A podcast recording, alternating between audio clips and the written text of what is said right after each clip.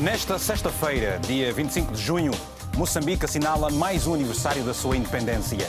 O país da Marra Benta, a pérola do Índico, que desde 1975 e pela vontade de seus filhos se o caminho rumo ao desenvolvimento, continua a viver vários problemas. Bom dia, seja bem-vindo ao programa Tenha Palavra, aqui, agora e em direto de Lisboa para o mundo todo.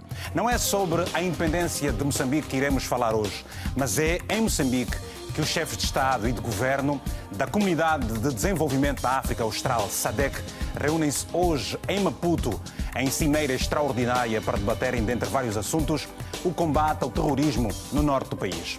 Há anos que a região de Cabo Delgado vem sendo alvo de fortes ataques que provocaram a morte de milhares de pessoas, um elevado número de deslocados e um rastro brutal de destruição. Esse mesmo terror que se vive em Moçambique, para além das perdas humanas que tem custado, uh, tem custado também caro à economia do país, que viu projetos bilionários serem cortados ou, em alguns casos, encerrados temporariamente. Por muito tempo, o governo moçambicano negou qualquer ajuda, pelo menos daquelas que os especialistas achavam ser as mais importantes e necessárias para que o saldo não fosse tão alto. Se mais vale tarde que nunca, é verdade que agora Filipe News corre contra o tempo. Hoje é o dia que esperamos pela sua opinião aqui no Tenha Palavra. A SADEC e o terrorismo em Moçambique é o tema escolhido. Portanto, espero pela sua mensagem de texto, com no máximo quatro linhas, ou então que ligue para o, 9, o WhatsApp 00351 962 494 543. São meus convidados para abordar o tema a SADEC e o terrorismo em Moçambique. Está o jornalista Ramiro Aleixo, a partir da cidade de Benguela, em Angola. Temos também o Dr. Yusuf Adam, professor e historiador, e que está em Maputo. Aqui nos estúdios tenho a doutora Teresa Amal, que é professora e investigadora do SES em Coimbra. Portanto, aos meus convidados, sejam todos bem-vindos. É um prazer enorme estar com, com, com, consigo aqui nos estúdios. Uh, professora, eu pergunto, uh, este conflito que graça a região de Cabo Delgado, em Moçambique, para si, tem mais um pendor religioso ou acha que é o resultado das difíceis situações socioeconómicas no país e na região muito particularmente? Bom dia, Vitor. Bom dia a todos e a todas que nos ouvem. Uh, eu penso, por aquilo que eu tenho estudado e observado em Moçambique, que é um conflito de raiz socioeconómica, sobretudo, uh, com alguns cambiantes políticos também, com algumas questões políticas envolvidas. Uh, só para termos uma ideia, Cabo Delgado é a província mais a norte de Moçambique, faz fronteira já com a Tanzânia é uma das, se não a, a, a, província mais rica em recursos naturais, não apenas energéticos, mas também minerais eh, de, e, e, outros grandes recursos de, de, caráter eh, natural, mas também de recursos culturais. Uh, e talvez é a província que tem piores indicadores do desenvolvimento. Há muitas assimetrias muitas assimetrias no país, dentro do país, nomeadamente Cabo Delgado tem de facto os índices mais baixos do desenvolvimento humano do país e, evidentemente, também uma falta de infraestruturas muito importantes para a vida das pessoas. E acresce a isso, por exemplo, foi assolado por um grande ciclone uh, o ano passado, há dois anos, e que as poucas infraestruturas, muitas delas desapareceram com, com o impacto dessa, de, do, do ciclone de Kenneth Uh, e, e, portanto, ainda se deterioraram mais as condições em que as pessoas uh, vivem. Muito bem. Professor uh, Yassuf Adam, perguntávamos, assim pergunto o seguinte: uh, acha que este encontro dos chefes de Estado e de Governo da SADEC, que acontece no dia de hoje, ele tarda apenas por acontecer, ou seja, peca por ser tardia? Ou tardio esse encontro? Eu acho que esta questão da relação entre os países membros da SADEC e Moçambique é um processo. Uh, tem havido contactos, uh, vários, várias reuniões, uh, troca de correspondência, troca de, de pessoal, etc. e, de uma forma ou de outra, todos esses países têm intervido, têm, têm intervido e têm apoiado Moçambique. O que tem acontecido hoje, temos esta reunião dos chefes de Estado, Alguns estarão presentes, outros é uma mas, mas, mas, de que apoio é que se refere? Sendo que o que nós sabemos é que ao longo dos tempos é, é, o governo moçambicano terá negado várias ajudas a vários níveis também. Bom, o problema da, das ajudas é que sempre quem recebe a ajuda tem, tem a sua soberania e tem razões para aceitar ou não aceitar. É preciso ter cuidado quando estamos a falar de ajuda, da ajuda internacional, etc., de que uh, não é, muitas vezes não é solidariedade, a ajuda tem outros aspectos e quase sempre a ajuda tem aspectos não, digamos, não previsíveis, não é? E não é verdade que Moçambique não tem recebido e aceita ajuda. Por exemplo, as empresas eh, de segurança privada sul-africanas que estiveram a atuar em Moçambique, você acha que eles estariam a atuar sem autorização do seu governo? Existe um, uma lei na África do Sul que não permite que, esses, eh, que essas empresas atuem fora do país depois daquele desastre que houve no Zimbábue e na Guiné Equatorial. Uh, então, eles estão aqui presentes. Por exemplo, a informação que eu tenho, as minhas fontes, é de que os zimbabianos já estão a atuar no terreno. Então, uh, e, foi fundada, portanto, ontem, houve uma reunião dos países da SADEC, representantes de todos os países, para discutir comércio, relações bilaterais, etc. E no dia anterior, no dia 20, portanto, dois dias antes, uh, houve uma inauguração da base logística da unidade da SADEC em, em Nacala. Essa unidade tem a função de dar apoio humanitário e apoio de emergência a toda a região. Ou seja, Portanto, e, qual é, e, qual é, a real situação que se vive neste momento, eh, do conhecimento que tem eh, eh, em Cabo Delgado? Qual é a real situação neste momento? Está, as pessoas estão mais calmas? Não, a situação em Cabo Delgado é a situação que nós vivemos quando temos uma guerrilha uh, a funcionar, não é? Há pelo menos um ataque por dia neste momento e há toda uma série de distritos que nós podemos dizer que são zonas semi-libertadas deles, dos machababos, no sentido em que eles controlam o distrito no cima da praia, a, cidade, a vila no cima da praia. Uh, em, uh, em Palma, há ataques contínuos à, à vila de Palma e nós podemos verificar que uh, ainda ontem houve, todos os dias há um ataque mas também há atuações, digamos, das forças do governo que estavam a guardar, que entraram no acampamento de Afungi, onde revistaram as casas, revistaram, retiraram telefones e coisas dos, dos residentes. Uhum. Uh, epá, há, há efetivamente, nós todos os dias recebemos informação de gente que escapa ainda hoje de Palma e tenta chegar a Pemba, de barco, portanto, usando os daus.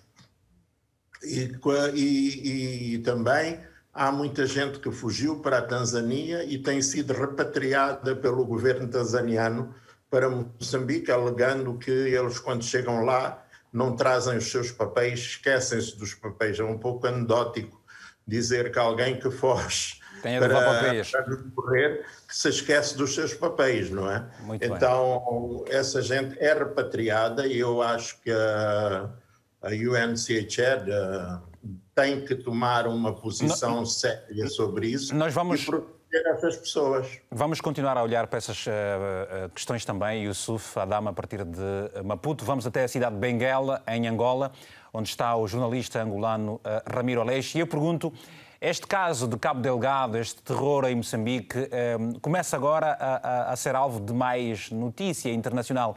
Acredita que uh, este cenário uh, que se vive naquela região poderá acontecer também noutros países uh, da, da, da, da CPLP ou da SADEC também? bom dia, primeiro.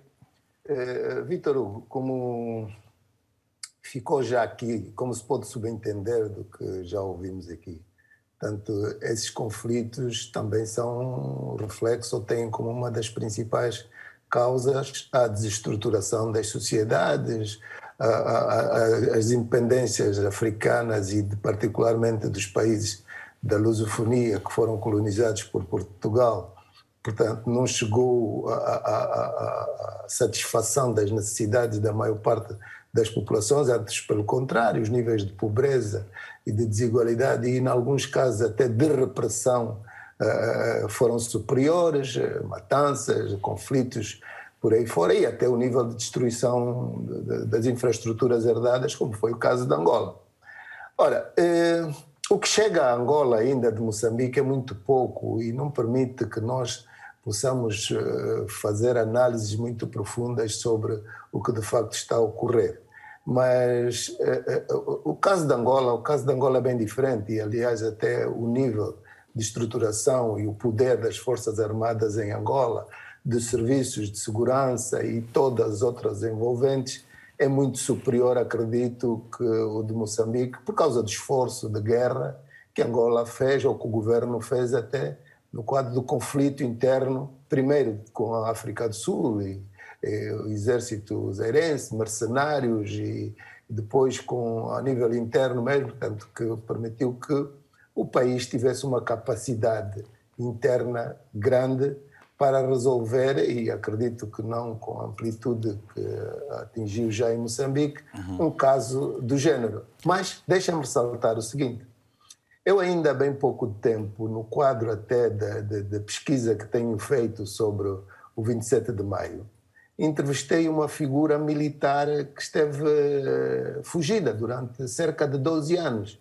E ele foi um perito na formação e treinamento de muitos oficiais superiores ainda que estão nas Forças Armadas. E ele dizia o seguinte, foi perentório dizer o seguinte, ó oh, Ramiro, para fazer uma guerrilha, para criar instabilidade num país como Angola, por exemplo, até tendo em conta as suas características, não é preciso muita gente.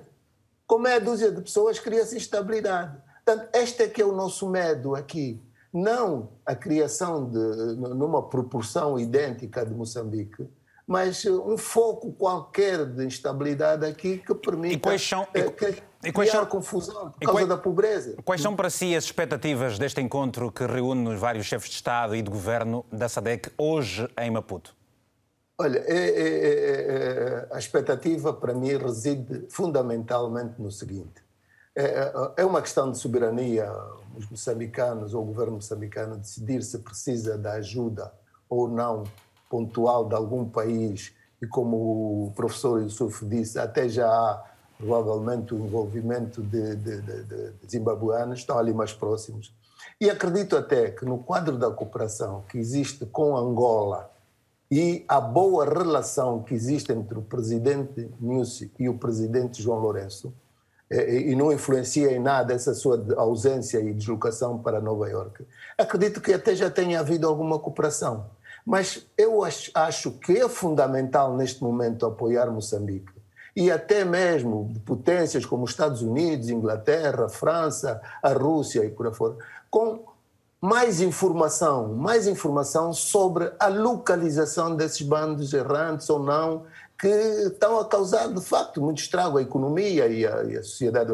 Portanto, há um conjunto de informação, de meios que eles têm, de satélites e por aí fora, drones e por aí adiante, é, que podem ajudar os moçambicanos a encontrar a solução para esse conflito ou, pelo menos, na localização desses focos de, de, de, de guerrilha evitar essencialmente que aconteçam mais massacres contra populações indefesas. Muito bem. Porque este, este é que é grave. Quer dizer, uma questão é fazerem ataques a objetivos econômicos e por aí fora. Outra coisa é continuarem a matar pessoas inocentes, a destruírem haveres dessas populações, o que é, é exatamente aí que não se percebe bem qual é o objetivo? Se o objetivo é só econômico, se o objetivo é, é econômico e de destruição do tecido moçambicano, da Muito sociedade bem. moçambicana. Muito então bem. aí é que deve haver, deve-se pôr a solidariedade. salvar vidas, essencialmente, ajudar os nossos irmãos moçambicanos a encontrar uma solução. E o que se espera...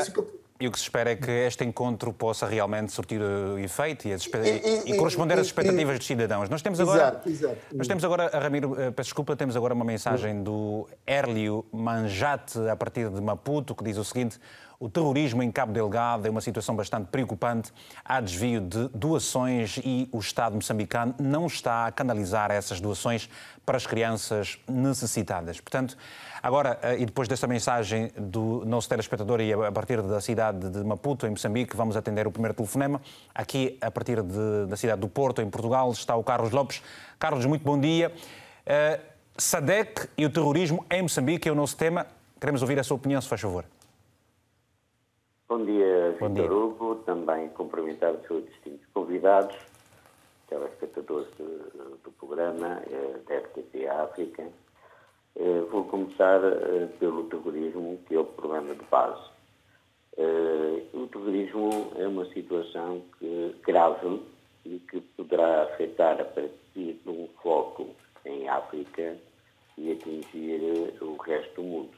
Isso aprendeu-se com os americanos com aquela situação do 11 de setembro e, e, a União Europeia e outros países ocidentais que se não atuarem rapidamente, solidariamente, aonde existe a origem dos conflitos terroristas, podem ter um alastramento. Qual é a sua expectativa relativamente a este encontro que uh, reúne chefes de Estado e de Governo hoje em Maputo, precisamente, dentre vários assuntos, uh, uh, debruçar-se-ão sobre também a questão de Cabo Delgado? E é nessa base que essa reunião da SADEC uh, está a fazer para que efetivamente todos os países periféricos, que fazem parte, que Moçambique faz parte, vão tentar uh, ver com o governo moçambicano, o governo irmão de Moçambique, a contenção desse mesmo conflito. Repare-se que uh, quem comanda esses grupos de guerrilha normalmente são indivíduos com preparação que vêm do exterior do território moçambicano, mas apoiam-se na fragilidade, como a senhora eh, já o disse no estúdio, da estrutura social e económica eh, e que aproveitam inclusive crianças e adolescentes para participarem como agressores contra o seu próprio povo e cometem essas atrocidades que vamos tendo conhecimento pontual. E isso é que é grave. E, por conseguinte, a União Europeia e os Estados Unidos, neste momento, com a tecnologia, eu parte que em termos estratégicos e militares temos os satélites, que permitem uh, localizar a tecnologia que Moçambique não tem, dar auxílio, mesmo a nível externo. Não quer dizer que hajam tropas, eh, hajam instrutores portugueses, por exemplo, que neste momento já existem em termos de solidariedade e de participação, de preparação das tropas moçambicanas de combate a esse terrorismo, porque hoje já não é um problema africano, já não é um problema local. É um problema regional. E a SADEC, e a SADEC com essa reunião, permite efetivamente criar um, uma solução africana para a resolução desse problema. Obrigado. Bom dia. Muito obrigado. Bom dia, muito obrigado, Carlos Lopes. Temos agora o Ceia Silva, eh, a partir de Cabo Verde. Ceia, muito bom dia. Tenha a palavra, se faz favor. pelo seu nome, está bem? Não Ceia Silva, vamos ter daqui a pouco o Ceia Silva a partir de uh, Cabo Verde para também participar aqui do programa. Estamos a falar precisamente uh, da reunião que vai acontecer, estará provavelmente a acontecer por essa altura na cidade de Maputo, uma reunião que reúne chefes de Estado e de Governo da SADEC e, dentre vários assuntos, está, estarão também a abordar a questão do terrorismo em Cabo Delgado. Ora, está então o Ceia, o Ceia Silva, a partir de Cabo Verde para também participar do programa. Muito bom dia. Não temos por enquanto. Professora Teresa, uh, uh, tem grandes expectativas de, um, de, uma maior e melhor intervenção. O que é que espera que possa transpirar deste encontro dos altos líderes da, da, da SADEC em Maputo hoje, hoje, hoje de manhã? Bom, Em primeiro lugar, este encontro da SADEC não é sobre Cabo Delgado, é um encontro que tem uma agenda muito mais alargada. Certamente. E, e vão, falar do e, e, e vai-se tratar, eh, vai -se tratar sobretudo de negócios e, e, entre os quais e depois vai tratar-se também do conflito ou da guerra em Cabo Delgado. Eu creio que há aqui um, uma questão para mim fundamental para perceber, ou duas. A primeira é perceber onde estão as raízes do problema. Quer dizer, não vale a pena nós estarmos a falar em intervenção militar ou intervenção, ou intervenção de, em, em torno do, dos refugiados. É preciso perceber que em, em Cabo Delgado há 2 milhões de pessoas, quase 800 mil estão deslocadas. Então estamos a falar quase 50% de, de, da população está deslocada. É uma crise humanitária, é um drama humanitário de uma dimensão extraordinária. Portanto, estamos aqui de facto com um problema de emergência humanitária muito grave e temos um problema militar também, portanto, há um problema. Acha que a, resolu a resolução do problema se, a resolução, passaria por, por, por, por um... A resolução parece-me que ela tem que apontar nos diversos campos onde estão os problemas a acontecer. Por um lado, exemplo, problemas estruturais em termos de, de portanto, condições socioeconómicas, dignidade da vida das pessoas, e esses problemas são problemas de ordem política, não só económica, novos. e que não são novos e que têm que ser atendidos há o problema da emergência humanitária que é preciso ser atendida. As pessoas estão, de facto, numa situação extraordinariamente difícil e, portanto, quando se contabilizam os mortos nesta guerra, só se estão a contabilizar os que estão a ser mortos diretamente, mas há muita morte que está a acontecer através de, portanto, razões indiretas, fome, doença, deslocações, uh, violência, enfim. Uh, e também há o problema militar. Quanto a mim, que eu creio que tem falta por compreender, e o, o professor Yusuf falou nos machababs, que é um, um, termo local para falar destas pessoas que estão a fazer esta guerrilha ou esta guerra do lado dos insurgentes, vamos dizer assim. Uh, temos que compreender quem são estas pessoas, o que as motiva, e creio que ainda temos muito poucas informações sérias e confirmadas sobre elas para poder dialogar, porque acabar uma parece, guerra sem diálogo parece, não parece, vai ao conseguir... parece, o governo moçambicano começa a dar abertura para, precisamente para o diálogo. Sim, eu espero é que um sim. bom sinal. É um bom sinal, é preciso compreender, mas esse diálogo tem que ser uma base, tem que ter boa fé dos dois lados, não é? Pois.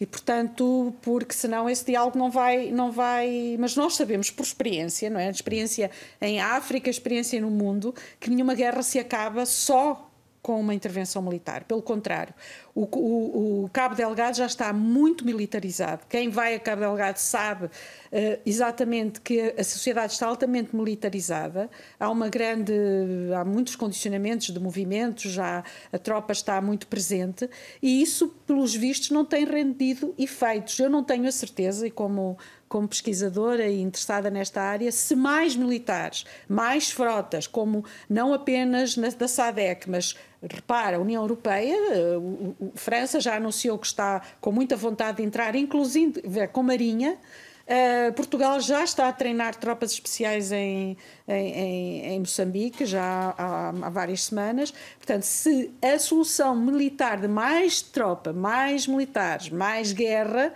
em cima de guerra, Ou seja, será uma pegar-se forma... no efeito e não na causa do problema. Eu penso que sim. Eu penso que a solução para Cabo Delgado e para a guerra em Cabo Delgado passará muito mais por formas estruturais e por formas políticas e socioeconómicas estruturais, onde a SADEC tem um papel, efetivamente, muito importante na, de reconfiguração também da região, do que por uma intervenção militar mais, mais, mais forte, digamos assim. Muito bem, vou atender rapidamente uma chamada do Abreu Imbo a partir de Maputo e depois vamos ao professor, e precisamente também em Maputo, o professor eh, Yusuf. Uh, Abreu Imbo, muito bom dia. Tenha a palavra, se faz favor.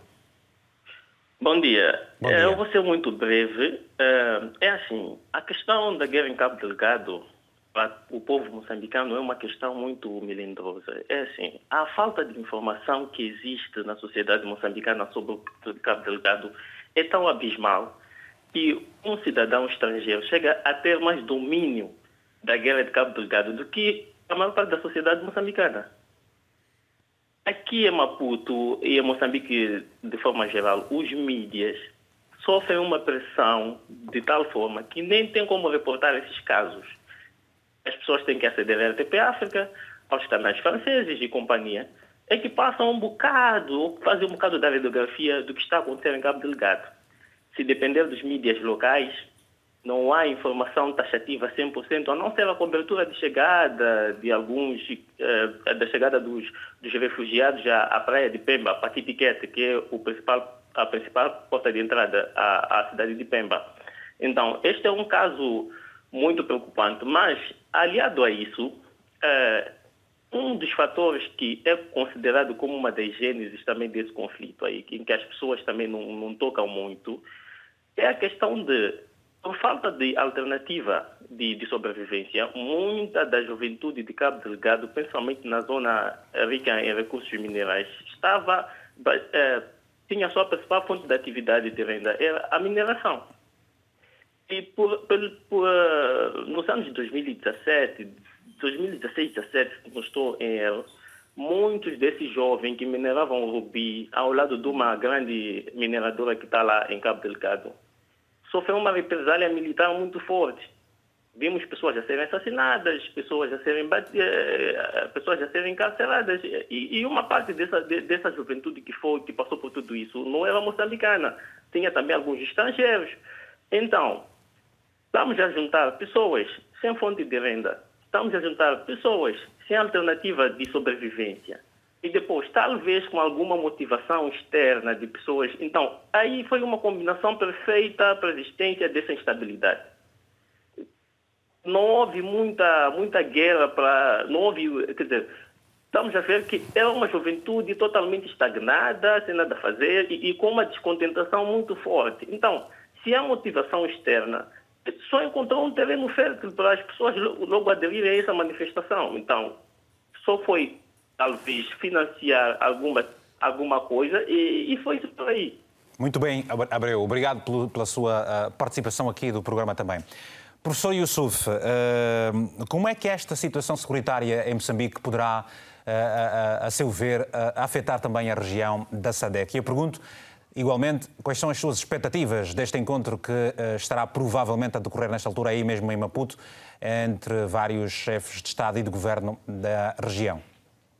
Uh, primeiro eu queria agradecer a intervenção do Sr. Imbua e queria lhe dizer que sim, que há uma certa dificuldade, digamos, em obter uh, notícias que tenham, digamos, conteúdo e que não sejam só laudatórias Uh, e porquê mas, que isso acontece? E porquê que os órgãos de comunicação social moçambicanos, sobretudo do Estado... Acontecem porque estamos numa situação de guerra, há uma certa repressão contra jornalistas uh, e em situação de guerra, quer dizer, é, bastante difícil até para nós investigadores uh, podermos circular em certas regiões, tens que ter montes de documentos, autorizações, etc. Mas isso não quer dizer que eu não tenha visitado um grande número. Mas é, é um, pro, é um problema, é, esse é um déficit, digamos é, que. É um déficit.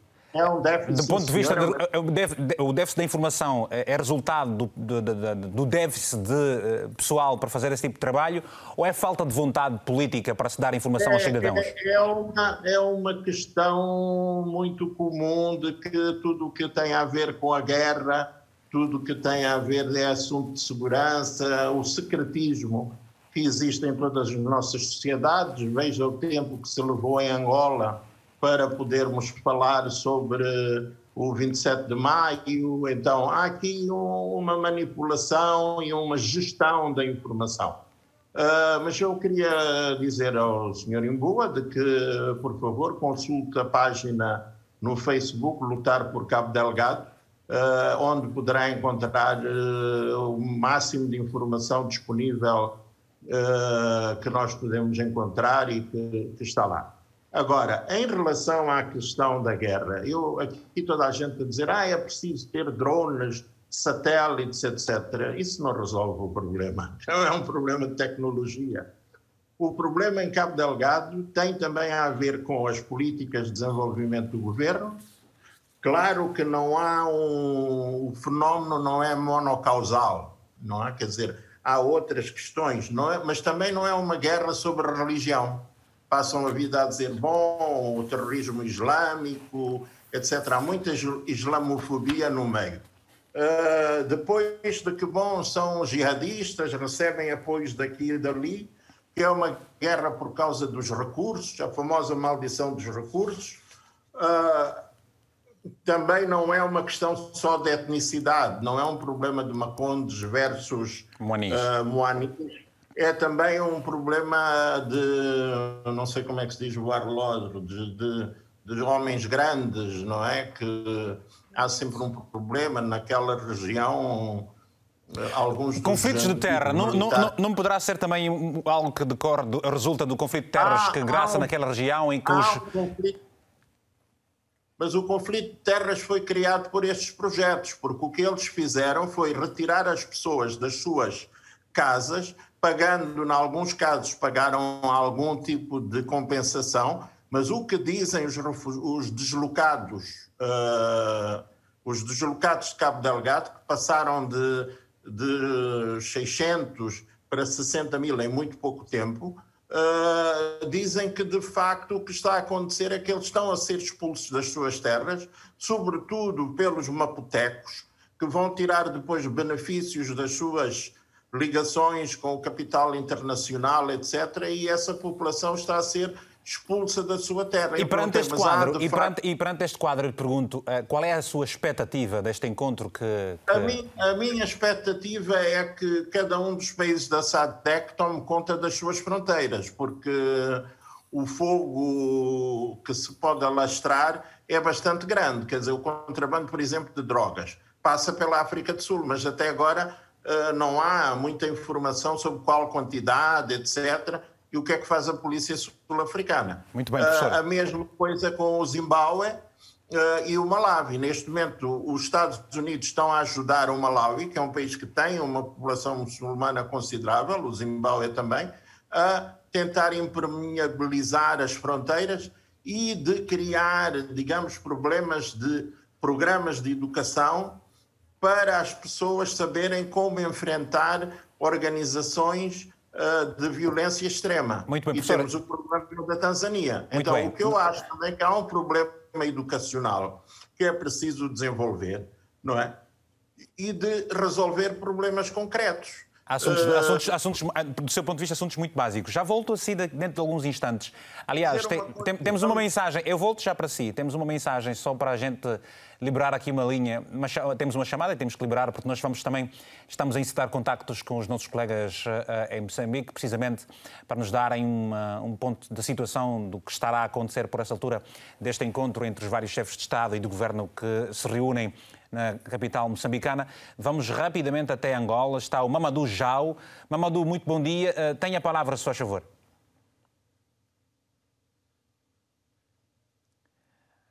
Não temos o Mamadou Jau por enquanto. Está o Eduardo Mbombashi, a partir de Luanda. Bom dia, Eduardo. Oh, bom dia, bom dia. Eh, gostaria de, de, falar primeiramente ali e, e dar muitas forças ao Hugo pelo programa Obrigado. Eduardo, estávamos, pode, pode, se posicionar melhor, porque estamos a ouvi-lo com. com, com... Assim está melhor. Alô, Eduardo? Alô, sim, alô. Está melhor o sinal, sim, senhor. Pode continuar, se faz favor. Sim, eu dizia que o problema do, do terrorismo em Moçambique é um problema conjuntural, penso eu. Uhum. Porque a dimensão que o problema está a atingir, eu até penso que a intervenção da SADEC como organização regional apareceu um bocadinho tarde, né? Eu penso que a SADEC já deveria intervir, visto que os africanos têm, de facto, esse problema, né? O problema é interno e buscamos sempre soluções externas. E basta ver a intervenção, as ajudas que está vindo do exterior, e as ajudas são sempre no sentido de, de aumentar o problema, né? Porque devemos ter em conta que não existe fogo, é, fumo sem fogo. Quer dizer, existem motivos, causas. E pautar pelo diálogo, eu penso que é o caminho, caminho para, para a resolução desses problemas. O terrorismo numa outra visão com relação a, a, a, ao terrorismo que temos visto fora do continente africano, eu penso que os motivos aqui são mais a questão da ordem, das condições básicas mesmo, quer dizer, uma insatisfação que depois atinge um caos geral. Okay. Então, eu penso que o problema, o problema não, não passa necessariamente em, em termos mais presença de militares, é mais destruição para o continente africano. É diálogo, diálogo, diálogo. Defende o diálogo, na sua na, na verdade. Muito, muito obrigado, muito obrigado, Bombacho, pelo seu telefonema. Vamos agora também priorizar, e temos muitos telefonemas hoje, já era expectável. Temos o Adilson Mendonça, a partir de Maputo. Muito bom dia. Tenha a palavra, se faz favor. É, bom dia, como está? Eu estou maravilhosamente bem todos os dias da minha vida. Está tudo maninho nice, como Aqui? vocês dizem aí. Ah, também estou maninho nice. Mas estou, estamos é... preocupados com o Cabo Delgado. Não percebi? Mas há a preocupação do Cabo Delgado. Uma reunião hoje em Moçambique. Qual é a sua expectativa? Eba, a minha expectativa, né, eu acho que é de todo moçambicano, é de se criarem condições né, para resolver este problema que já tem muitos anos, né? Uhum. É, teve seu início em 2012, agravou-se em 2017 e agora já está aí em níveis altos, né? A expectativa que tenho é de todo moçambicano é criar-se, é viabilizar-se condições é, com vista a resolver, estancar esse problema, porque é, são vidas humanas que estão em jogo, não é uma situação só financeira é, são vidas humanas em jogo. Então, eu acho que deveriam se, deveria se velar muito é, para a situação humana, porque também eles é, eu acho que também, é, para além do aspecto humano, tem o aspecto financeiro, em que tem lá aquela a base de gás natural, né? E é um ponto turístico também que está em jogo. Em Cabo Delgado tem muitas, é, muitos pontos turísticos, melhor dizendo. Então, é muita coisa que deve se resolver. A expectativa é essa, que se criem condições é, para resolver o problema. Muito obrigado, muito obrigado então eh, pela sua, pela sua participação. Vamos, eh, como prometemos há pouco tempo, dar um salto até a capital moçambicana, Maputo. Está o Orfeu de Sá Lisboa, que é o nosso correspondente eh, naquele país. Orfeu, bom dia. Já está a decorrer este encontro. Qual é a expectativa, portanto, e qual é o quadro que se descreve relativamente ao encontro que está a decorrer aí dos chefes de Estado do Governo da SADEC? Bom dia. É verdade que a reunião, a cimeira dos chefes de Estado e de Governo da SADEC acaba mesmo de, de iniciar. Neste momento seguem-se vários discursos. Já, já, já discursou o chefe de Estado uh, moçambicano, que é ao mesmo tempo presidente da, da, da, da SADEC. A verdade é que as expectativas são, são enormes.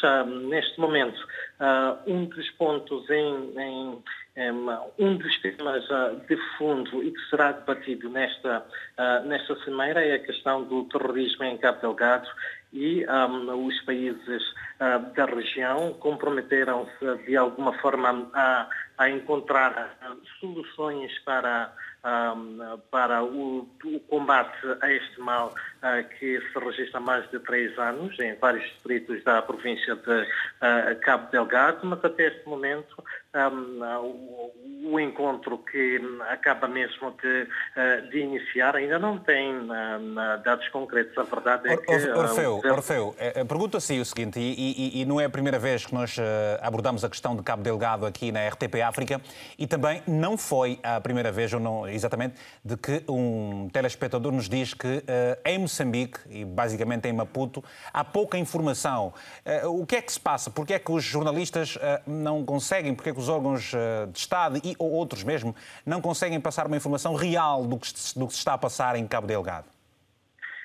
Sim, o problema é que a acessibilidade às zonas de, uh, onde se registram estes estes ataques um, uh, são, são de difícil acesso, isto para, uh, para a imprensa, mas também para as organizações humanitárias que, uh, que trabalham nesses, nesses locais. Daí que a informação muitas vezes até um, não é a mais real do que se passa no terreno, porque infelizmente a acessibilidade essa Uh, muitas vezes não é permitida e também porque um, uma ida a Cabo Delgado às zonas de conflito uh, são feitas apenas mediante um, as forças de defesa e segurança. Sem esse acompanhamento, uh, o risco é ainda maior. Obrigado, Orfeu de Sá Lisboa, jornalista RTP em Moçambique e a reunião de chefes de Estado e de Governo da SADEC que já está a decorrer, é a porta fechada, como sabemos, mas nos próximos serviços de informação, com toda certeza, você, caro telespectador, terá mais dados sobre isso mesmo. Ora, vamos então voltar ao debate. Estamos a falar exatamente desta reunião e terrorismo em Moçambique. Vamos uh, uh, voltar ao professor Yusuf e depois vamos ouvir também Ramiro Aleixo em Benguela. Professor Yusuf, uh, eu, eu, eu estava a falar e iria tocar num ponto que retiramos a palavra, mas pergunto: acha que uh, uh, a SADEC por si só vai dar todas as respostas necessárias para se inverter o quadro em Cabo Delgado? Não, eu acho que neste momento a questão mais fundamental na qual nós temos que nos engajar todos é acabar a guerra, arranjar um processo de negociações e ter acordos de paz. Iria ser preciso algum mediador? Uh, sim, uh, se houver. Uh, neste momento, a União Europeia fez uma declaração ontem a dizer que as, a paz é um caminho. há uns tempos atrás foram raptadas pelos machabados duas freiras brasileiras que estavam em Mocimboa da Praia, estiveram raptadas aí 14, 15 dias, um pouco mais e foram libertadas. Alguém uh, intermediou esse processo. Quem foi, eu não sei, mas uh, há forças locais, portanto, há dirigentes religiosos de qualquer uma das religiões presentes. Mas é verdade, mas é verdade, mas é verdade, mas é verdade que o Papa Francisco acabou por uh, enviar ao Brasil o, o bispo que esteve em Cabo Delgado, o bispo de Lisboa, precisa, e era um bispo muito interventivo era uma pessoa muito interessante, um amigo, uma pessoa com quem eu conversei algumas vezes, mas ele ainda bem que saiu porque corria o risco uh, de ser morto por alguém, não sei quem, mas então. É, mas agora temos agora, agora temos para si uma pergunta uh, do Edgar do Band, uma pergunta que é precisamente para si. Ele está em Kil, Kiliman. Diz o seguinte: queria saber do professor Adam se os alertas que a comunidade académica fez ao governo foram suficientes para que se pudesse ter evitado a atual situação em Cabo Delgado. O que é que lhe responde, por favor? Eu queria dizer o seguinte: é que toda uma, havia toda uma série de indicadores uh, de que a situação em Cabo Delgado estava a ser bastante difícil para os seus residentes, não é? Quer dizer, as terras estavam a ser tomadas, não eram pagos, não tinham, os jovens não tinham emprego, eh, a repressão do Estado era muito forte, a polícia e a segurança resolviam tudo à paulada, eh, fizeram-se julgamentos de pessoas que estiveram presas, acusadas de serem machababos, de 250 pessoas julgadas no mesmo dia, então, havia toda uma série de violação de direitos humanos, da Constituição da República, etc., que criou, digamos, este caldeirão onde se alimenta a guerra. Agora, a guerra uh, está lá, a guerra, é a, guerra, a, guerra, a guerra, está lá e é preciso que se resolva de facto. Daqui a pouco vamos ouvir a opinião também de Ramiro Aleixo e a pergunta que deixo já para si, Ramiro Aleixo, é a seguinte: acha que a ONU deveria também intervir em, todo esta, em toda esta situação? Mas é para me responder daqui a pouco. Para já, o presidente em exercício da SADEC condenou ontem os atos de violência terrorista contra o povo em algumas regiões do continente africano. Felipe News manifestou total preocupação com a violência terrorista que se registra em alguns países, incluindo em Cabo Delgado, no norte de Moçambique. Afigura-se crítica e aceleração das reformas para um melhor ambiente de negócios e a estabilidade macroeconômica que propicie a atração de investimentos para a SADEC Neste contexto, deverá prevalecer o Estado de Direito, a tolerância política, a paz e a estabilidade. Rejeitamos a violência e a guerra contra a liberdade dos nossos povos. Muito bem, recordo que esse é um excerto de um, de um comunicado que o presidente moçambicano fez no dia de ontem, precisamente no encontro também, à margem deste encontro de chefes de Estado e de Governo da SADEC, que está hoje a decorrer uh, em Maputo. Ramiro Aleixo perguntava há pouco se a ONU deveria intervir, uh, ter alguma intervenção uh, mais forte para que se altere o quadro em Cabo Delgado. É, é Hugo, nem sempre a intervenção da, das Nações Unidas, de Forças das Nações Unidas, significa um grande contributo para a resolução dos conflitos. A história está cheia de exemplos e Angola foi um caso, né? Pode, pode ajudar, pode facilitar na aproximação das partes, porque, de acordo com aquilo que a gente já ouviu aqui, e ao contrário da maior parte da informação que nos chega, não se trata propriamente de um conflito, e estou a cingir-me nas declarações, nas afirmações do professor, do professor eh, eh, eh, Adam. Portanto, não se trata propriamente de um conflito que está a ser fomentado a partir de fora, mas é um conflito interno, não é? Que resulta de algumas decisões e algumas medidas tomadas pelo governo, particular, de forças do governo, particularmente de repressão. Então, sendo um conflito interno, eu acho que aí a solução passa pelo entendimento dos próprios moçambicanos. Os moçambicanos têm que sentar à mesa, da mesma forma como aconteceu aqui em Angola no conflito que, que, que, que opôs as forças da UNITA e as do governo. Portanto, é, é, é, as Nações Unidas nem sempre, nem sempre, das Nações Unidas nem sempre se pode esperar o melhor. E nós vimos no caso concreto de Angola que até chegou uma altura que ela parece que fez parte do conflito em detrimento daquela, daquela isenção que seria de esperar. Há casos, inclusivamente, de favorecimento de partes e por aí fora, e até a, a, a, morte naquilo que se supõe um atentado do próprio representante, do representante da, da, da, do secretário-geral das Nações Unidas, que acabou por ficar diluído no esquecimento quando era um crime que devia ser investigado até pelas uh, com a colaboração das principais potências. Está, Portanto, a, falar, está, a falar, vejo... está a falar de Sérgio de Melo, brasileiro, é isso que se refere? Não, não, não, não, não. Okay. Estou a falar do, do Maliano. Nosso, do, o Metri Bey. Metri Bey, Metri Bey, tanto morreu em circunstâncias estranhas. A né? queda de um avião? A, a queda de um avião, mas não, não foi esclarecida até agora. Portanto, e, e, nós vimos que, que no quadro do conflito angolano, as Nações Unidas até havia força, não é que fosse uma coisa estruturada, organizada. Ou seja, acha, havia... o Ramiro Aleixo acha que os moçambicanos, uh, para si, poderão eles uh, sentar-se à mesa, porque compreendem melhor o problema de qualquer uma pessoa e chegar a um entendimento, como foi o caso de Angola, é isso? Sim, exato. Por aquilo que eu estou a ouvir do professor Yusuf, Yusuf trata-se de uma questão interna e não esse empolamento de grupos extremistas vindos não sei de onde, não sei mas agora, ele também coloca uma questão, embora tenha contrariado aquilo que eu disse, ele coloca uma questão que não se resolve sem a recolha de informação. É o controle das fronteiras dos países da CADC. Portanto, como é que hoje se controlam fronteiras? Já, já lá vai o tempo em que era meter um conjunto de, de, de, de tropas, de militares num posto e depois mais no outro, entretanto os bandidos passam no meio.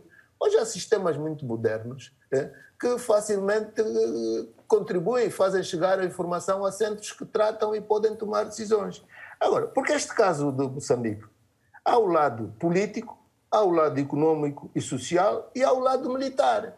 E o lado militar, eu não sei se o governo também está muito interessado em negociar com aquilo que ele considera que são terroristas. Aliás, o tema desse debate é a SADEC e o terrorismo em Moçambique. Portanto, os governos não têm grande apetência para o diálogo com terroristas. Então, aí agora o que é, que, é que se tem que fazer? Alguém vai ter que é, é, levar as duas partes à mesa e haver aí um encontro de, de posições para que disso beneficie o quê? Beneficie a população com a, com a, a cessação das hostilidades que estão, de facto, a prejudicar boa parte da população. Portanto, segundo aí a doutora Teresa, Amal, estão 800 mil deslocados que precisam de ajuda, ajuda humanitária. E oxalá que dessa cimeira, eh, eh, uma das questões que se põe é exatamente esse apoio, o apoio a essas populações que estão a ser fustigadas, que estão a deixar as suas áreas de residência e estão a perder todos os seus haveres. Portanto, esse seria já um passo importante como decisão desta cimeira de chefes de Estado e representantes de, de governos da, da SADEC. Está o Celestino Pioca a partir de Benguela também. Uh, Celestino, muito bom dia. Tenha a palavra, se faz favor. É, bom dia para si, bom dia para bom dia. os convidados deste programa.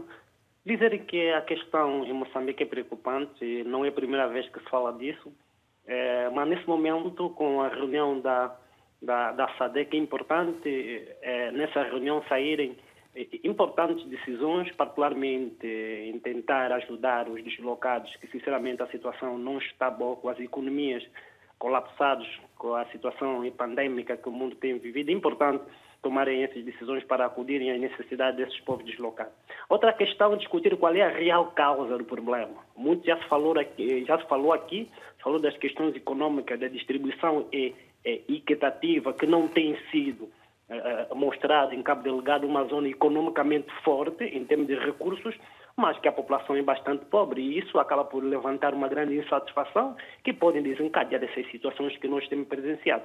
Daí a importância que, eh, da, da, da, da, reunião da, da, da SADEC saem questões para procurar descobrir as reais causas desse problema. A outra questão que é importante é haver uma sinergia entre várias nações para tentar combater esse mal. Porque o que, é que acontece? Quando muitas vezes grupos são eh, eh, afunilados para uma determinada zona, eh, saem de um território ao outro, transportando fronteiras. Se não houver uma sinergia entre essas nações, dificilmente consegue se, bater, se combater o problema de forma efetiva. Então é importante que haja isso para a resolução desse problema, que tem dizimado vidas e as coisas não podem contar dessa maneira. Obrigado, Celestino, pelo seu telefonema. Temos eh, mais uma ligação, é de José Xazel, a partir de Yambane, em Moçambique.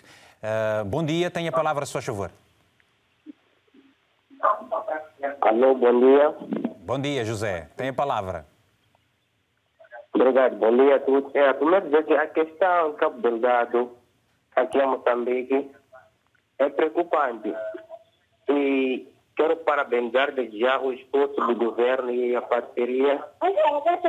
Ver que o governo tem trabalhado muito e o governo deveria reforçar a a junta militar, os militares em Cabo Delgado, para que estejam mais fortes. Moçambique e a SADEC são capazes de enfrentar o terrorismo em Cabo Delgado.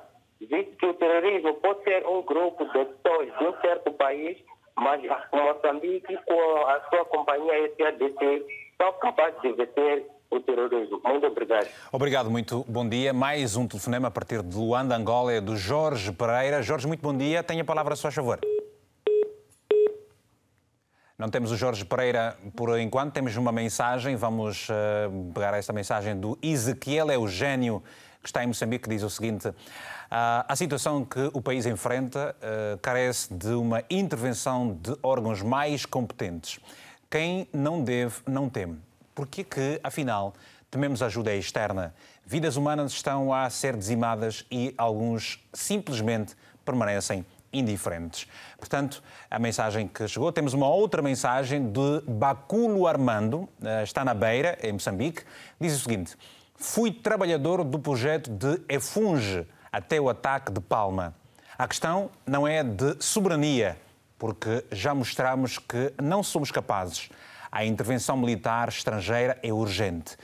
Professora, o que é que se lhe oferece dizer, precisamente, de, por causa dessa mensagem que acabamos uh, de receber? Eu... Alguém que no terreno. Sim, alguém no terreno pessoa... que sofreu certo. em Palma aquele ataque 24 de março e tudo o que se lhe seguiu, é natural que. Eu já estive em vários palcos de guerra e sei que naquele momento o que nós desejamos é que alguém nos salve daquela violência. Eu creio que há aqui duas coisas de, que eu gostaria só de deixar ditas. A primeira é que efetivamente a presença da, dos estrangeiros, no caso de Cabo Delgado, sobretudo com as grandes corporações internacionais, na, na, exploração do gás, na exploração da madeira, na exploração dos rubis, não tem contribuído em nada para a pacificação do, do, do, da província e muito menos para o desenvolvimento da província, porque uh, nós sabemos que as corporações levam os seus próprios funcionários, portanto... De, e, 1 a 10, só para termos noção desta diferença uh, que muitos consideram abismal hum. da, da, realidade de, em Cabo Delgado e em Maputo, de 1 a 10, qual é a diferença em termos de qualidade de vida, uh, se tivermos que comparar? Se qualidade de vida for eh, capacidade de, de, consumo, de ter acesso a recursos, condições, de, geral. condições da vida, eu, eu, diria que estamos numa proporção de 10 em Maputo, 2 em Cabo Delgado. Quer dizer, é uma diferença realmente abismal. E, portanto, e sobretudo expectativas para uma população muito jovem, não é? Que há muitos jovens e que não tem à sua frente, quando vê grandes projetos a entrar, não vê possibilidade, por exemplo, sequer de ter emprego nesses grandes projetos da exploração, não é? E, portanto, isso tudo cria. Podemos nos perguntar se esse capital estrangeiro, estamos a falar em termos económicos, realmente também é uma solução e os moçambicanos e moçambicanas acreditaram e, e, especialmente em Cabo Delgado, que isso seria uma solução para a sua pobreza. E porquê que, não tem sido. E porquê que uh, uh, o governo moçambicano, os sucessivos governos moçambicanos, não puderam ter uma, uma visão diferente para estas regiões? Eu porquê isso não... creio que tem que ser perguntado a, a Moçambique e aos seus órgãos competentes e também é preciso dizer que a sociedade moçambicana é extremamente ativa, a sociedade civil é muito bem organizada, tem, há muitas associações, muitas uh, organizações que se preocupam e que intervêm na sociedade. Então, o debate, esse debate está a ser feito em Moçambique. Está a ser feito em Moçambique. E, e, e, enquanto investigadora, sabemos, por exemplo, que as questões de segurança estão devidamente uh, estão divididas na própria uh, região. O caso de Moçambique está sob o auspício da, da SADEC e eu lhe pergunto, professora, acha que a SADEC terá capacidade para resolver o problema tão complexo como Cabo, Cabo Delgado? Eu creio e estou muito de acordo com, com, a pessoa que falou nisso. Creio que os problemas, há muito, grande parte dos problemas, se resolverão através do diálogo, do fortalecimento das competências coletivas dos moçambicanos internamente. Eu uh, não creio que uma solução. É preciso compreender uma coisa: há, o drama humanitário em Cabo Delgado está a produzir uma outra coisa que é preciso ter em consideração, que é a reconfiguração fundiária e a reconfiguração demográfica de toda aquela região. Pois. E isso traz problemas que não são para hoje e não se resolvem, por exemplo, com a ajuda humanitária de emergência. São coisas que vão estruturalmente reconfigurar aquele território. Portanto, há medidas políticas que têm que ser pensadas a nível do próprio Moçambique como como mas, mas como o que nós podemos o que nós podemos ver o que nós podemos ver e ouvir o que nós podemos ver e ouvir os, com os governos e os chefes de Estado da região, pois. pensar onde estão os problemas de segurança, não apenas para Moçambique, mas para a para região. região. Mas o, que nós podemos ver e ouvir aqui das, das intervenções, e, e, e, não é a primeira vez, porque hum. pelo menos aqui não tem a palavra, pelo menos umas três vezes Sim. nós já abordamos essa questão de Cabo Delgado, é que uh, os nossos telespectadores moçambicanos uh, uh, são perentórios em dizer que o governo não tem capacidade a, a, a, mais, aos diversos níveis para resolver essa situação. Ora, a União Europeia, até que ponto é que a União Europeia e a ONU poderão intervir efetivamente, dado que existem muitos interesses da França em Cabo Delgado? Olha, eu tenho uma visão um pouco, nesse ponto de vista, soberanista. Eu creio que Moçambique, quando se diz que não tem capacidade, eh, eu creio que se está um pouco a subestimar a capacidade moçambicana para perceber os seus próprios problemas e gerar as suas as suas alternativas. Eu creio que há uma grande apetência. Não é pelo menos essa visão que Moçambique passa? Uh, os moçambicanos que estão a sofrer neste momento é natural que eles sintam que precisa que alguma coisa aconteça e que provavelmente do estrangeiro e sobretudo dos países chamados dos países doadores, que eu acho que não dão nada, mas enfim, uh, desses países pode vir alguma coisa que alivia a situação neste momento, ou pelo menos num curto prazo.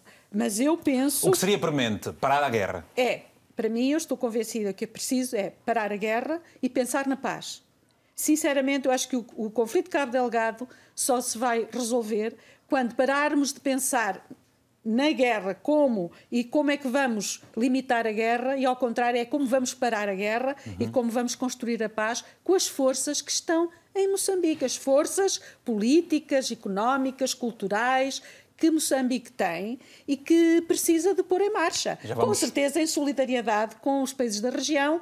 Agora, eu não acredito na boa fé uh, total da União Europeia em querer fazer uma intervenção Uh, ali, muito francamente, porque uh, o que nós sabemos, e olhando para o continente africano, e o Vitor que é africana, eu que sou africano, eu que sou africana, nós olhamos e vemos guerras sem fim, com a intervenção da ONU, de tropas, de tropas eu da... Só, eu só, não, só não vejo como já vivi a guerra toda de Angola. Exatamente, eu nasci com a guerra em Angola e, portanto, eh, nós sabemos que essas soluções, eh, apesar de serem eh, ditas serem soluções, na verdade, elas pouco resultam, sobretudo para quem está a sofrer. E muitas é? vezes essas guerras têm também os seus lives de, um live de conflitos de interesse. E conflitos de interesse e imperialismo, vamos já vamos, Já vamos a isso, o professor Yusuf nos vai falar precisamente dessa questão. Está o Jorge Pereira, recuperamos então este telefonema a partir de Luanda, em Angola. Jorge, muito bom dia. Bom dia. Bom dia, Jorge Pereira. Tem a palavra, se faz favor. Quanto ao tema, né? Saber que o terrorismo é Bom, é... Eu vejo nas duas perspectivas. Jorge, tô, eu não consigo, não consigo perceber o que me está a dizer, está com muitos cortes. Peço que, por favor, encontre um melhor local, um melhor ponto para poder falar. Já volto assim dentro de alguns instantes, naturalmente. Vou atender o Adelino Chine, a partir de Moçambique, está na cidade de, de Maputo, ou está na cidade de Maputo, em Moçambique. Assim é que está certo. Muito bom dia, tem a palavra, se faz favor. Oh, bom dia. Bom dia. Sim, queremos falar sobre esse assunto. Obrigado por termos, eh, por ter abordado nossa situação lá em Portugal. Faz favor. Nós estamos aqui. Sim, sim, obrigado. Para análise desses, eh, para o de terrorismo em Maputo, uhum. aqui em Cabo Delegado, desculpem, o que está a acontecer é que o nosso governo, ele precisa sim de uma ajuda, eles sempre nunca disseram que não, não, não, não queremos dar de ajuda. Sempre houve uma ajuda, só que trata-se de uma segurança. Não podem publicar, eh, não podem dar umas informações que estamos a receber uma situação, porque esse exige muito, muita, muita segurança, muito sigilo. Receber ajuda já está a receber, e, quer dizer, mesmo assim apanhando a informação, porque há, há, há, há órgãos de, de, de, de, de imprensa, por exemplo, eles fazem difunde uma informação não correta, em forma de especulação, que com que benefício não se sabe. Por isso, às vezes, a, curta, a, encurtação da, da, da, da, informação, é por causa disso é motivo de segurança, porque, por exemplo, queremos fazer uma operação melhor, que as forças de defesa, depois há alguém que está a fazer uma fuga de informação pelos vistos, já são encontrados em, emboscada. Depois não, não, não terá, não terá, não, no filme terá um sucesso. Por isso, o governo optou por não dar uma informação e dar, dar acesso à imprensa e, e qualquer que seja que pode entrar lá. Em, em motivo de segurança. Tá Mas, para além disso, se nós queremos ver, também, se nós queremos ver alguma coisa, no, no, como que surgiu isso? Se nos recordarmos, há um poucos anos, lá para 2011, 2012, entrou um movimento chamado Super Super, chama Super Chupa Sangue, e começava aí, queimava casa de pessoas, queimava casa de, de, de, de depois o governo isso não tomou nada de atenção do que significa isso. Pensava que era um movimento assim e, e, e que está a aparecer.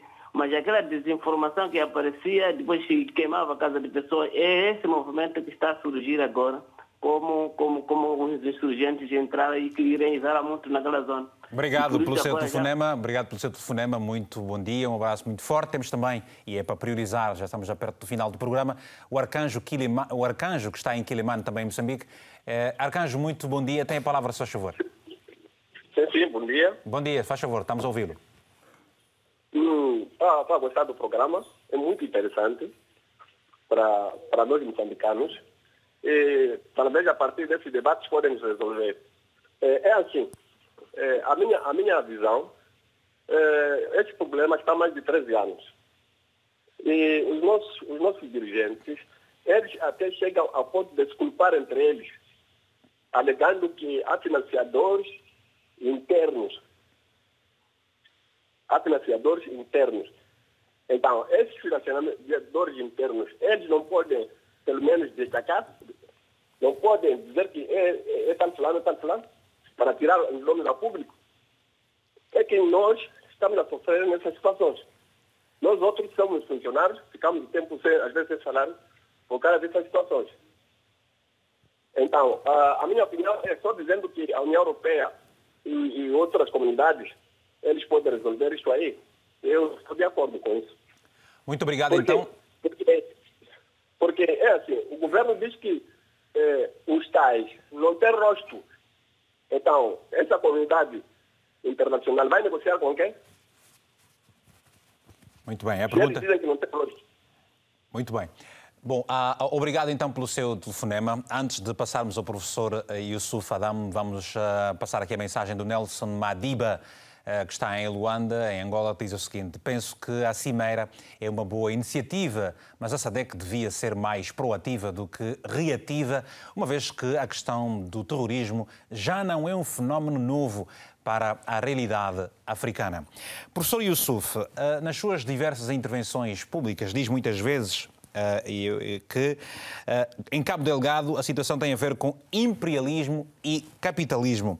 E alerta, uh, alerta que, independentemente das discussões ideológicas, se não pararmos a guerra, estou a citar mesmo o senhor, não teremos nenhum sucesso.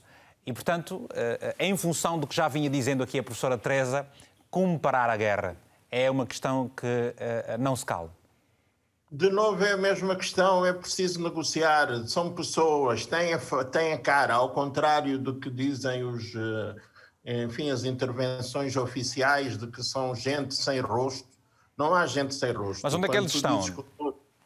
Eles estão lá, no mato, têm ligações, têm a família, têm, eh, estão nas prisões, saem das prisões e, e, normalmente o que acontece é que é preciso estabelecer o diálogo e, por outro lado, as nossas forças de defesa e segurança sofreram grandes arrombos depois da, da assinatura dos acordos de Roma, não é? Eh, houve um desinvestimento no exército, há falta de coordenação entre as diversas uh, unidades do exército, por exemplo, a polícia trabalha com, com os mercenários ou empresas privadas de segurança uh, sul-africanas e a defesa trabalha com outras, uh, outras empresas. Agora, é preciso ter muita cautela. Mas esse, porque... este, este acordo de Roma, da década de 90, que se refere, presumo, Uh, já devia ter sido atualizado também, não acha? Mas a questão é, como é que entende? Ou, ou acha que... Reduziram,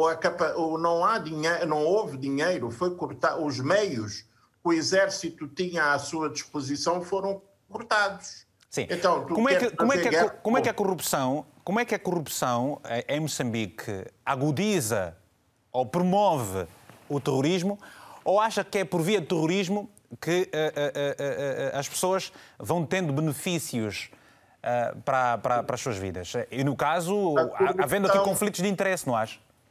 Sim, ah, a corrupção é de facto é um dos fatores que permite a atuação de organizações de violência extrema, não é? Uhum. Uh, há muitos exemplos que vêm na imprensa, etc., sobre o dinheiro que era para pagar os soldados e que ficaram, ficou com, com o comandante, salários mal pagos, uh, enfim, há muitos problemas desse tipo e há também, uh, normalmente, quando há esses negócios de, de apoio externos, muito, esses países fornecem armas, caminhões, tanques, etc., ultra sofisticados.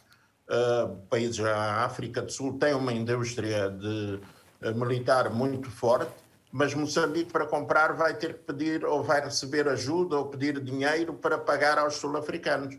E no meio disto há sempre os 10%, não é? Então, esses 10% uh, ah, alimentam muita gente. Uh, e alimentam, sobretudo, gente que tem, que tem poder.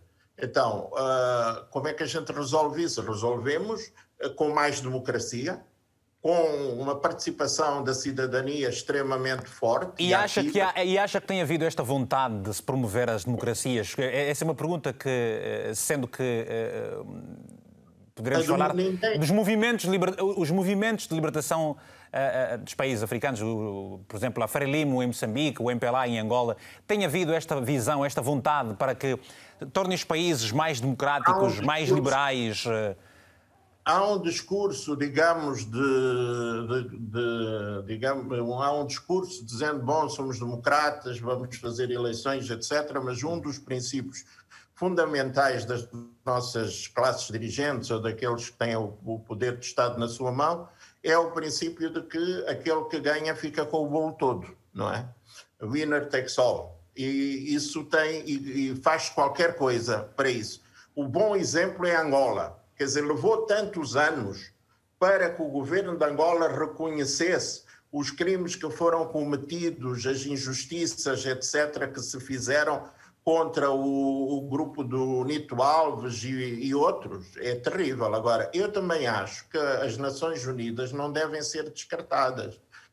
Tem um papel importante e uma pressão que todos nós, cidadãos do mundo, devemos fazer é para que as Nações Unidas declarem as guerras como a maior violação dos direitos humanos. Qualquer país ou qualquer organização que se meta em guerras está a violar os direitos humanos. Muito Isso bem. deve ser condenado. A segunda coisa é que, de facto, as Nações Unidas intervêm, não é? Quer dizer, a comida que chega, eh, que chega aos refugiados de Cabo Delgado, aos deslocados, etc., vem através de organizações das Nações Unidas. A OIM está presente, quer dizer, o sistema está presente. Provavelmente necessitamos que, que haja mais atividade, por exemplo, proteger os refugiados que vão parar a Tanzânia. E também acho que tem que haver uma maior coordenação entre os vários países. Mas eh, só para citar como uma anedota, não é? Quer dizer, eh, ontem o presidente eh, sul-africano estava a fazer um discurso e de repente descobriu que lhe tinham roubado o iPad, não é? Se não é uma montagem, me pareceu que era algo que mostra também que a maior parte dos países da região têm problemas internos muito sérios, não é? Mora todos os dias um, um montão de gente na África do Sul, hoje está a haver a perseguição de moçambicanos, zimbabianos, angolanos na África do Sul, o fenómeno da xenofobia, a Tanzânia uh, não apoia, como sempre apoiou, agora não apoia os refugiados moçambicanos, então, há questões aqui que têm que ser esclarecidas. E vão ser esclarecidas, e, e, e, e, nós vamos continuar atrás desses esclarecimentos, também para, para a opinião pública. Já volto assim dentro de alguns instantes, professor Yusuf. Uh, estamos a terminar o programa, temos menos de sete minutos. Temos uma mensagem do Armando, a partir de Moçambique, que diz o seguinte: temos que ter muito cuidado com a corrupção nas nossas forças de segurança. A nossa guarda fronteira facilita a entrada dos insurgentes em troca de dinheiro. Ora, temos agora uma mensagem do José Manuel a partir de Maputo. José, muito bom dia. Bom dia, muito obrigado. Obrigado. Pela, pela oportunidade. Faz favor. Da insistência aqui. Muito obrigado. É, analisando o que está sucedendo em território de Moçambique, em especial em Cabo Delgado, é, é algo que já vem o, é uma origem que analisando já vem aquela terra, acho que não, não há ninguém que tem uma idade avançada que não sabe o que é uma bala. Então, automaticamente, é um território que já vem desde o tempo do colono até hoje. E quanto a esses insurgentes, é certo quando há, não houve um desenvolvimento que, não, apesar do país ter ter feito muitas coisas desde 75, mas aquela área ficou um pouco isolada no desenvolvimento, naquilo que estamos a ver. Então, quando vem alguém desses insurgentes, é lógico que, que aqueles jovens são influenciados a um, uma parte negativa. Mas, dizendo que internamente o, o Estado moçambicano tem possibilidade de, de, fazer, mas o problema está quando entra, ou mesmo se entrar o SADCC, seja qual for, aí está, porque aqui temos pessoas, antigos combatentes, temos a própria Força Armada, mas em especial os antigos combatentes podem apoiar, é necessário sentar com eles e dando uma possibilidade, porque eles conhecem a mata. Também, se fosse unido com o. Não, estamos, não estou contra nada, o Nhungo, que está há muito tempo no mato, e já é um moçambicano, dar a possibilidade também. Também tem que haver, tem que haver então algum diálogo, não é? Tem que haver algum diálogo. Sim, sim, sim, para ele poder, porque está há muito tempo, são pessoas que a gente eh, nesse momento não olhamos para o, para o ato do, do mal para poder vir ficar, uhum. ok? Temos que olhar para o ato de que também é, é um moçambicano neste, neste aspecto e está dentro do, do, da mata e a possibilidade Obrigado. dele poder surgir. Obrigado então... pelo seu telefonema, um abraço bem forte. Estamos a terminar o programa, vou pedir as últimas considerações aos meus convidados, mas antes, esta pequena nota, o presidente do Botsuana e do órgão de política e defesa de segurança da SADEC, Magwezeti Massisi, assegurou que a organização vai encontrar a melhor forma de ajudar Moçambique a combater o terrorismo. O chefe de Estado de Botsuana falava durante a cerimónia de abertura do Fórum de Negócios da SADEC, que arrancou ontem em Maputo. Moçambique e a África Austral devem livrar-se de todas as formas de violência para se concentrarem no desenvolvimento económico e prosperidade dos seus povos, acrescentou o uh, líder uh, suanês. Ora, uh, Vou até Benguela, vamos a Benguela, ao encontro de Ramiro Aleixo. Para terminar, eu pergunto, Ramiro Aleixo, uh, os movimentos uh, de libertação nacional, uh, falo, e estamos a falar da SADEC, portanto, a SUAPO na Namíbia, o ANC na África do Sul, o MPLA em Angola, uh, Frelimo em Moçambique. Estes movimentos, e porque estamos a falar de Moçambique particularmente, mas dizia, estes, estes movimentos não têm estado a ler os tempos, eh, não se têm estado a adaptar aos tempos para poderem evitar eh, vários problemas eh, com os quais lutaram para que os países fossem independentes? É, Vítor, no fundo, quer dizer, a história demonstra que está a ser um completo desastre, porque no caso concreto os moçambicanos não esperavam isso, no caso concreto de Angola nós esperávamos também isso, e na Guiné-Bissau, e em aspas, né? Santo Tomé é aquilo que a gente assiste à, permanente, a, permanente luta, e a África do Sul, por aí fora, a exceção da, da, da Namíbia, é que é mais ou menos estável. Né? Tem, mas, é preciso dizer, mas é preciso dizer que a Namíbia, a SWAP na Namíbia está a perder terreno também, não é?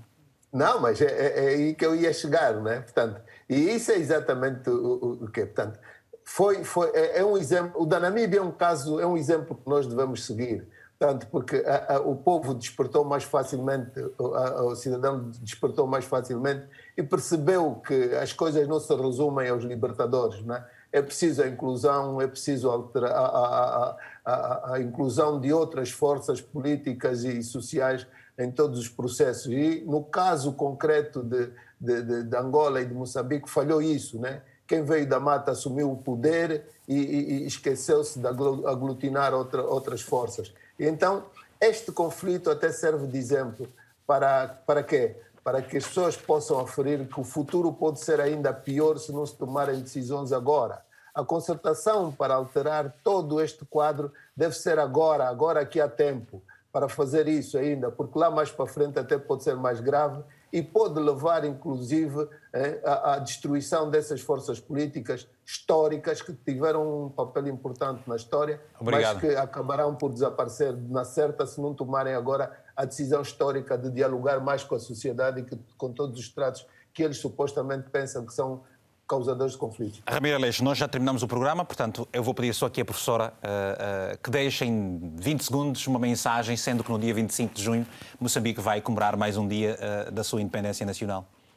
em primeiro lugar, saudar todas as moçambicanas e os moçambicanos por mais um ano de independência e que honra que honrem todas as lutas para serem um povo livre e um povo feliz e que se lembrem que há uma resolução do Conselho, das, Conselho de Segurança das Nações Unidas 1325 uh, sobre mulheres, paz e segurança, porque a maioria das, dos deslocados em Cabo Delgado são mulheres e crianças e elas, de uma maneira muito particular, têm sofrido violências inenarráveis. Muito bem. Então, força aí. Bom, ao painel de convidados, o, muito, o nosso muito obrigado. Aos uh, telespectadores que nos ligaram também, muito obrigado. Já sabe, este programa pode ser uh, revisto logo mais às 22 horas de uh, Portugal. Nós voltaremos a estar juntos para a semana, aqui, sempre, com a atualidade informativa que marca os nossos países. Um abraço fraterno e sempre muito africano.